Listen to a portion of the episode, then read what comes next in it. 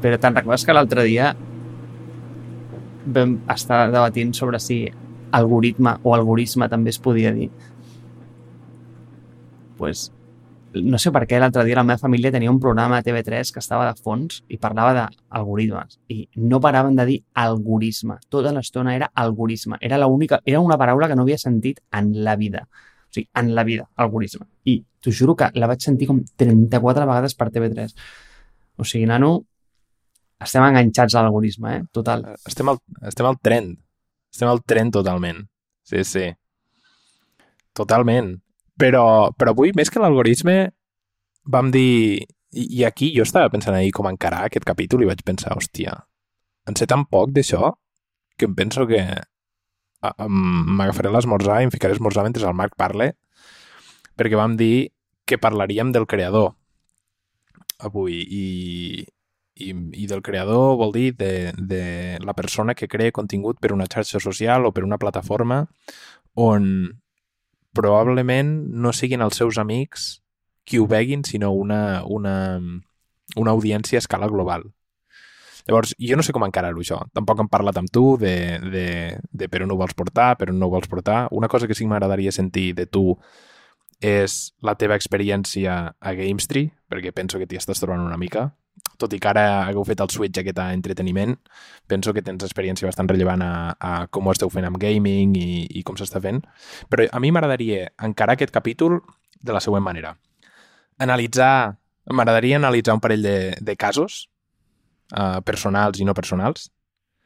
M'agradaria parlar de, de, de Gamestree, i m'agradaria parlar d'altres plataformes com Twitch i coses així que són una mica diferents, perquè estàvem parlant de TikTok, TikTok és, és bàsicament una xarxa social on tu penges contingut que pots compartir, um, i després hi ha Gamestree, que fas contingut per tu guanyar diners, i després hi ha Twitch, que fas contingut live per tu possiblement guanyar diners, però clar, um, per arribar a aquell punt has de, has de, has de tenir una plataforma enorme d'usuaris que entren a veure i d'usuaris que creen contingut.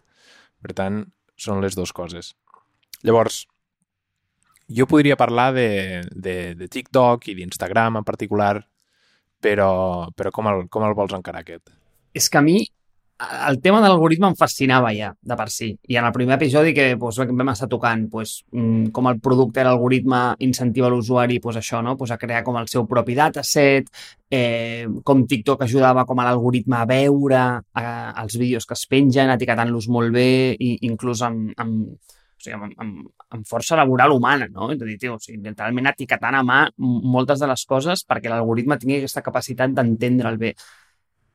Però Hòstia, a mi el, el que més em flipa de TikTok és que si tu l'agafes des d'un punt de vista de producte, aquesta és una plataforma que va ser pensada literalment per creadors primer. A mi m'agrada molt aquesta idea de TikTok de que el que fa és que trivialitza skills i els fa accessibles a tothom a, a l'hora de, a de crear. Eh? És a dir, per exemple, eh, jo no ho he fet servir, però he estat veient com funciona. Llavors, tu, editar música, posar efectes, eh, fer mix and match d'altres eh, teams. És a dir, fa coses que són molt complicades i molt complexes a nivell de creador, almenys ho eren fa cinc anys, eh, i les trivialitza amb una UI superfàcil. És a dir, fa la màgia que tu fas, Ramon, editant els capítols, t'ho eh, trivialitzen amb un botó. Saps? I sé que no és el mateix, eh? però crec que una mica com eh, l'engagement del creador ve, ve per allà, perquè veu que, tio, que els seus skills d'una manera molt ràpida es magnifiquen. Bueno, és que ahir estava pensant i, i jo és aquesta la manera que, que volia encarar i per això m'agrada que estiguem parlant d'això, perquè jo recordo quan vaig arribar a tenir el meu primer, el meu primer iPhone, que una de les aplicacions que vaig instal·lar primer era una aplicació que, que ningú feia servir eh, que era per fer fotos i ficar-los-hi un marc a les fotos i ficar-los-hi uns efectes a les fotos. I llavors tu et deixava fer aquella foto, compartir-la a, la a la seva xarxa social i, i no només això, sinó que et deixava agafar aquella foto, guardar-te-la i compartir-la a altres llocs. Clar, com que ningú tenia WhatsApp en aquell moment o ningú tenia mòbil, simplement havies d'anar amb el mòbil i ensenyar-los-hi la foto. Veritat? Llavors aquella xarxa es va començar a fer una mica més popular, la gent va començar a tenir mòbils, però clar, les, les fotos que feien els mòbils eren una merda. I, I clar, la gent necessitava aquests efectes. Llavors aquesta xarxa ho va començar a petar. I es va tornar al que ara coneixem com Instagram, una vegada la va comprar Facebook. Llavors és curiós que quan, quan sents els fundadors d'Instagram parlat, diuen nosaltres, quan, quan vam fer això, quan vam fer aquesta xarxa social, nosaltres ens vam fixar amb els jobs to be done. És a dir, quin era el job to be done que la gent necessitava? La gent volia fer fotos bones i volia compartir-les, volia expressar-se. I llavors van fer aquesta xarxa social i van ficar molt èmfasi en una manera ràpida, ràpida de compartir i una manera ràpida de crear. Llavors Instagram jo penso que és el precursor el que després és Vine. Uh, veritat? És a dir, mm, primer teníem text, després teníem imatges, després vam passar a vídeo. Llavors Vine ho va fer ridícul, super fàcil de, de poder compartir vídeo. Ho feia ràpid, tot i que les xarxes, um, és a dir, l'internet era dolentíssim, i a part era molt fàcil d'editar i eren 6 segons, super simple. La premissa és tu fas un vídeo de 6 segons, el pots editar i el pots compartir. Llavors, la mateixa necessitat de crear i compartir contingut a Facebook i a Twitter eh, que tu tenies quan, quan, quan tenies Instagram fa que Vine agafi una rellevància bastant important. I, i llavors Twitter compra Vine, el fa desaparèixer, un dels errors històrics que mirarem endarrere d'aquí 20 anys i, i veurem qui, quin va ser el gran error, i, i llavors, clar, la gent necessitava un lloc per crear aquest tipus de vídeos que no era Vine. I llavors surt Musical.ly, que és el que vas comentar tu la setmana passada. El que passa és que Musical.ly no era gens bo a compartir els vídeos. Era bàsicament una eina per creadors. Llavors aquesta gent, jo penso que se n'adona i diu hòstia, ens està utilitzant moltíssima gent que ve aquí per crear vídeo i compartir-lo, per comptes de compartir-lo en una altra xarxa social, per què no fem? Per què no ho integrem tot aquí?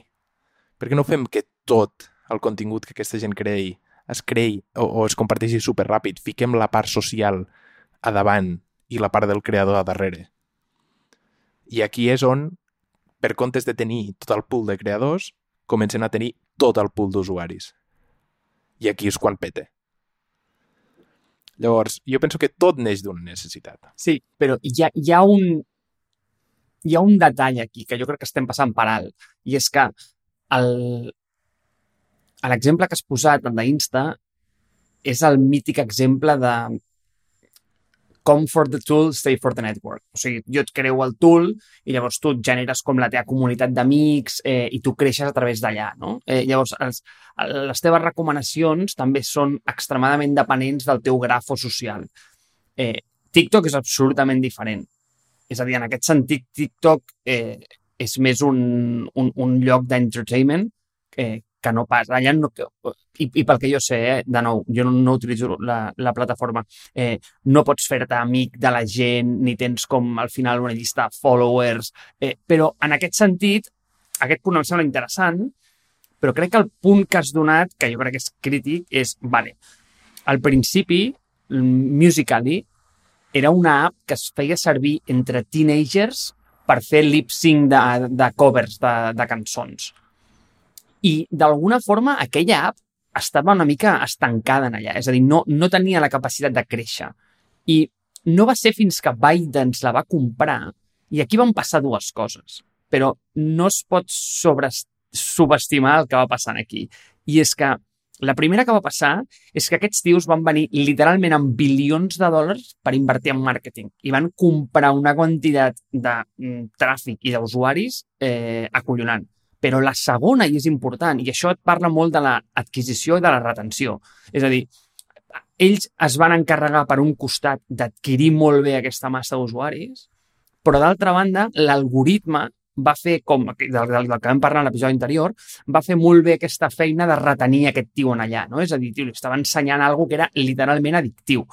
Eh, I sobre aquest punt, jo crec que és com molt important entendre, i això passa molt poques vegades, no?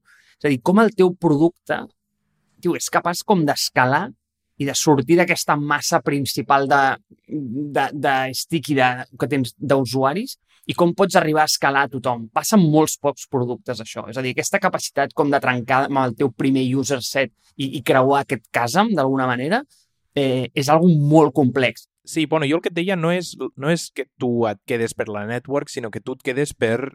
És a dir, hi ha alguna raó que et fa tornar. Com a creador et fa tornar les eines, com a usuari et fa tornar l'entreteniment. I el que deia d'Instagram no és que... És a dir, jo no utilitzava Instagram pel meu graf.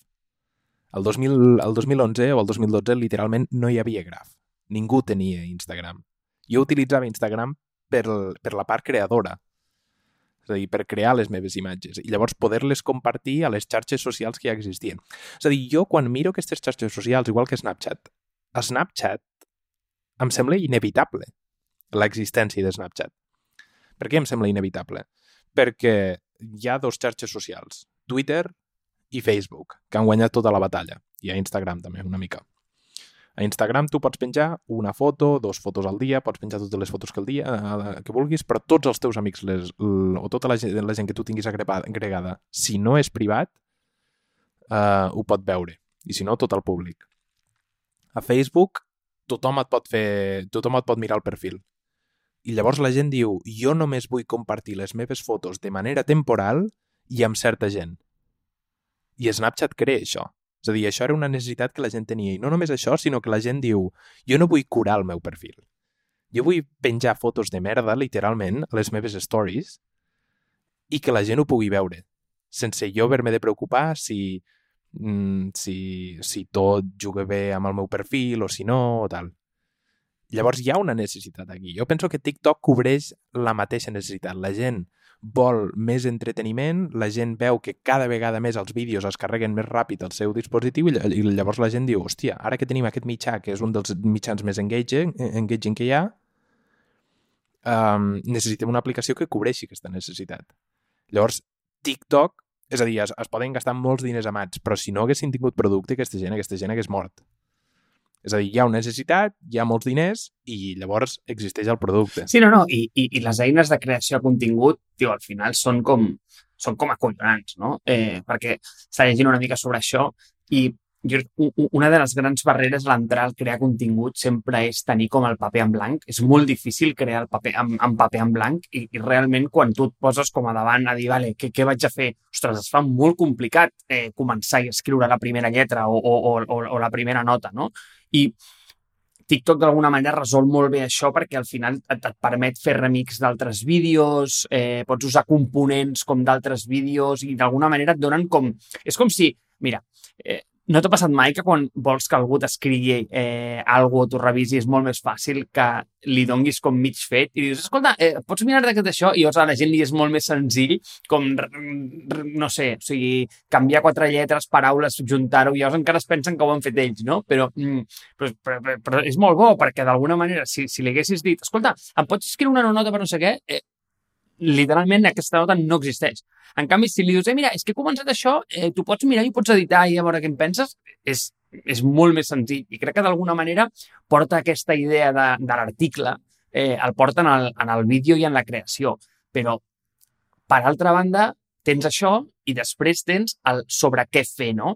I pel que veig, hi ha com, hi ha com contingut que, que d'alguna forma hi ha challenge, hi ha eh, trending hashtags, i llavors tens com la visibilitat de saber què has de fer per ser promocionat. I això em sembla com un concepte brillant.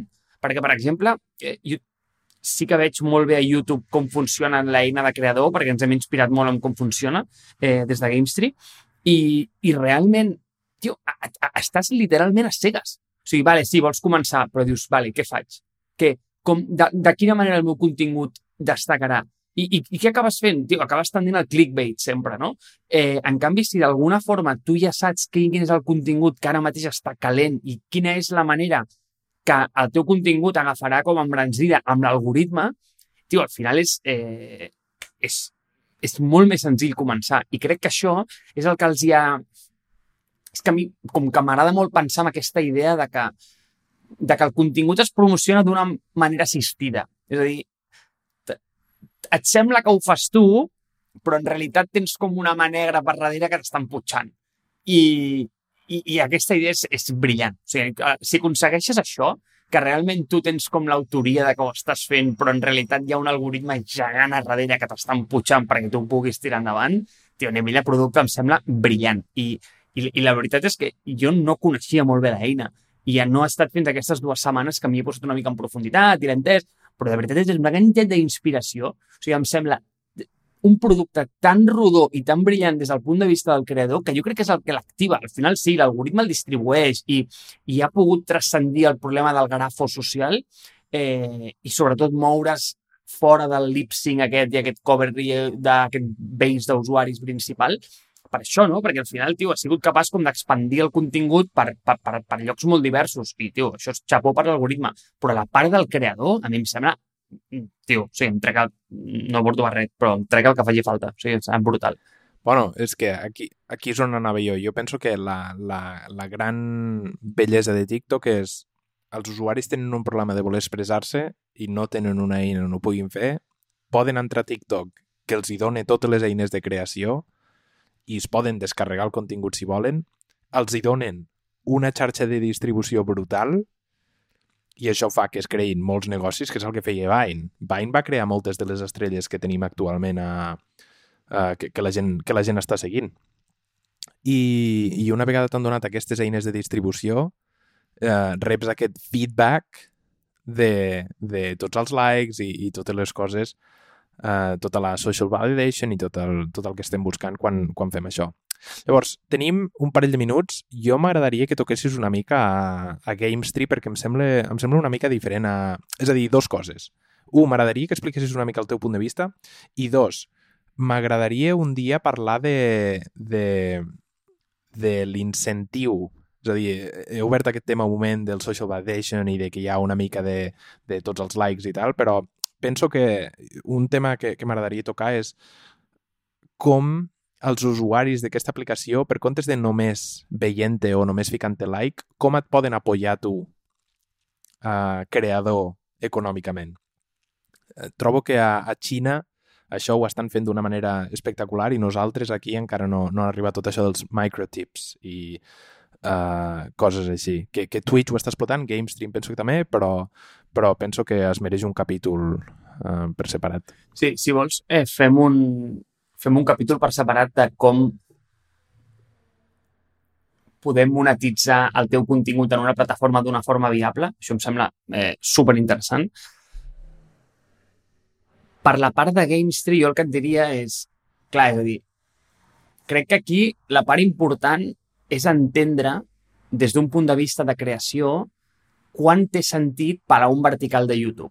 És a dir, quan té sentit fer el que Airbnb li va fer a Craigslist. I jo crec que aquí tens com dos, dos palanques que ho incentiven. La primera palanca és quan el creador està frustrat, és a dir, quan el creador no pot generar diners ni fer una comunitat al voltant d'aquell producte. I la segona és quan l'experiència no està customitzada per aquell vertical i aquell vertical és suficientment gran com per tenir com el seu propi nicho, d'alguna forma. És a dir, quan hi ha un espai suficient com perquè una persona només vagi a YouTube per veure, en aquest cas, contingut de gaming. Val? Llavors, què li passa al creador? El problema és que un creador que entra a YouTube està competint literalment amb un vídeo d'un gat perseguint una bola de llana eh, i un tio fent unboxing de joguines de Disney. Eh, clar, llavors, què és el que passa? Que és molt difícil que un contingut enfocat i vertical eh, surti de la vista i sigui rellevant. És molt complicat. I després és molt complicat fer diners amb aquell contingut. Quin problema tens? bueno, pues que estàs forçat al clickbait i has d'acabar fent vídeos, pues, no sé, pues, eh, si mato a tres tíos en el Call of Duty, le doy un beso a mi novia, per exemple. Eh, mm, perquè, perquè al final són com coses que, bueno, pues que l'algoritme de YouTube les promociona perquè té uns incentius totalment diferents, no? Llavors, quan això passa i realment hi ha una demanda molt gran, perquè el mercat del gaming, en aquest cas, sí, és gegant i està boig, que només va a YouTube en busca d'això i està frustrat perquè no troba aquests continguts, val la pena generar un vertical. I dir, molt bé, anem a crear una plataforma que, un, el creador pot monetitzar en base de fer bon contingut alineat amb el gaming i dos, el viewer té eh, una experiència acollonant perquè descobreix nou contingut, el contingut està mm, ajustat a les seves necessitats, eh, m'invento, eh? Bueno, no, de fet no m'ho invento, és així. O sigui, tens el teu perfil connectat a les APIs i d'alguna manera tu pots veure l'impacte que un vídeo té en l'aprenentatge d'una persona, és a dir, si tu millores en un joc després de veure un, una certa peça de vídeo, jo puc entendre que aquella peça de vídeo t'ha ajudat. Llavors, puc d'alguna forma fer-te un path d'educació eh, o d'aprenentatge dintre de la plataforma. No ho sé, és a dir, quan, hi ha, quan aquests components, quan aquest caldo comença a funcionar, llavors és el moment de dir, vale, podem fer el switch. S'explica perfectament. És més uh, com aconseguir aquesta massa d'usuaris perquè, perquè la teva aplicació sigui rellevant. I sí que és veritat que, uh, és a dir, la teoria hi és, però també és molt més fàcil estar en una xarxa social o, amb una, o en aquest cas a YouTube directament i trobar-ho allà um, amb un contingut determinat. És simplement el que tu dius, com, com els vídeos que tu tens estan relacionats amb el contingut que tu al final proposes.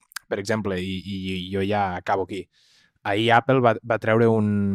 Eh, o va rebaixar un 15% les... Uh, uh, o sigui, els hi va donar bàsicament 15% més dels diners que, que reben els developers si tu fas un milió d'euros o, o menys.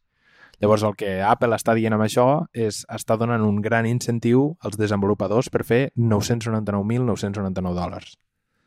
Aquest és l'incentiu. O passar d'aquí a més de 1,2 milions de dòlars. Llavors, com, i això és perquè la progressió no està ben feta i tal. Llavors, eh, s'ha de vigilar una mica amb el, amb el que el teu algoritme proposa i com les coses van recomanades, perquè sobretot amb vídeos i sobretot amb contingut, coses il·legals, coses de matar, coses de... totes les coses que probablement estiguin prohibides, coses de suïcidis, etc. tot això es fa molt... És a dir, és una cosa que agafa molt interès a les xarxes socials i, i, i es fa viral i, i normalment aquests incentius no tenen en compte aquestes coses i necessiten càrrega humana per treure-les aquestes, uh, aquests posts i aquests vídeos. Però bé, uh, m'agradarà parlar de, del, del micromecenatge i de, de, dels incentius econòmics i com finançar aquests objectius econòmics uh, quan crees contingut, però aquest ja és per, per un altre. Va, vinga. Aquell capítol te'l patrocina Game Street, t'ho prometo. vinga, va, perfecte. Molt bé. Venga, Raúl. Venga, Marc, una abraçada.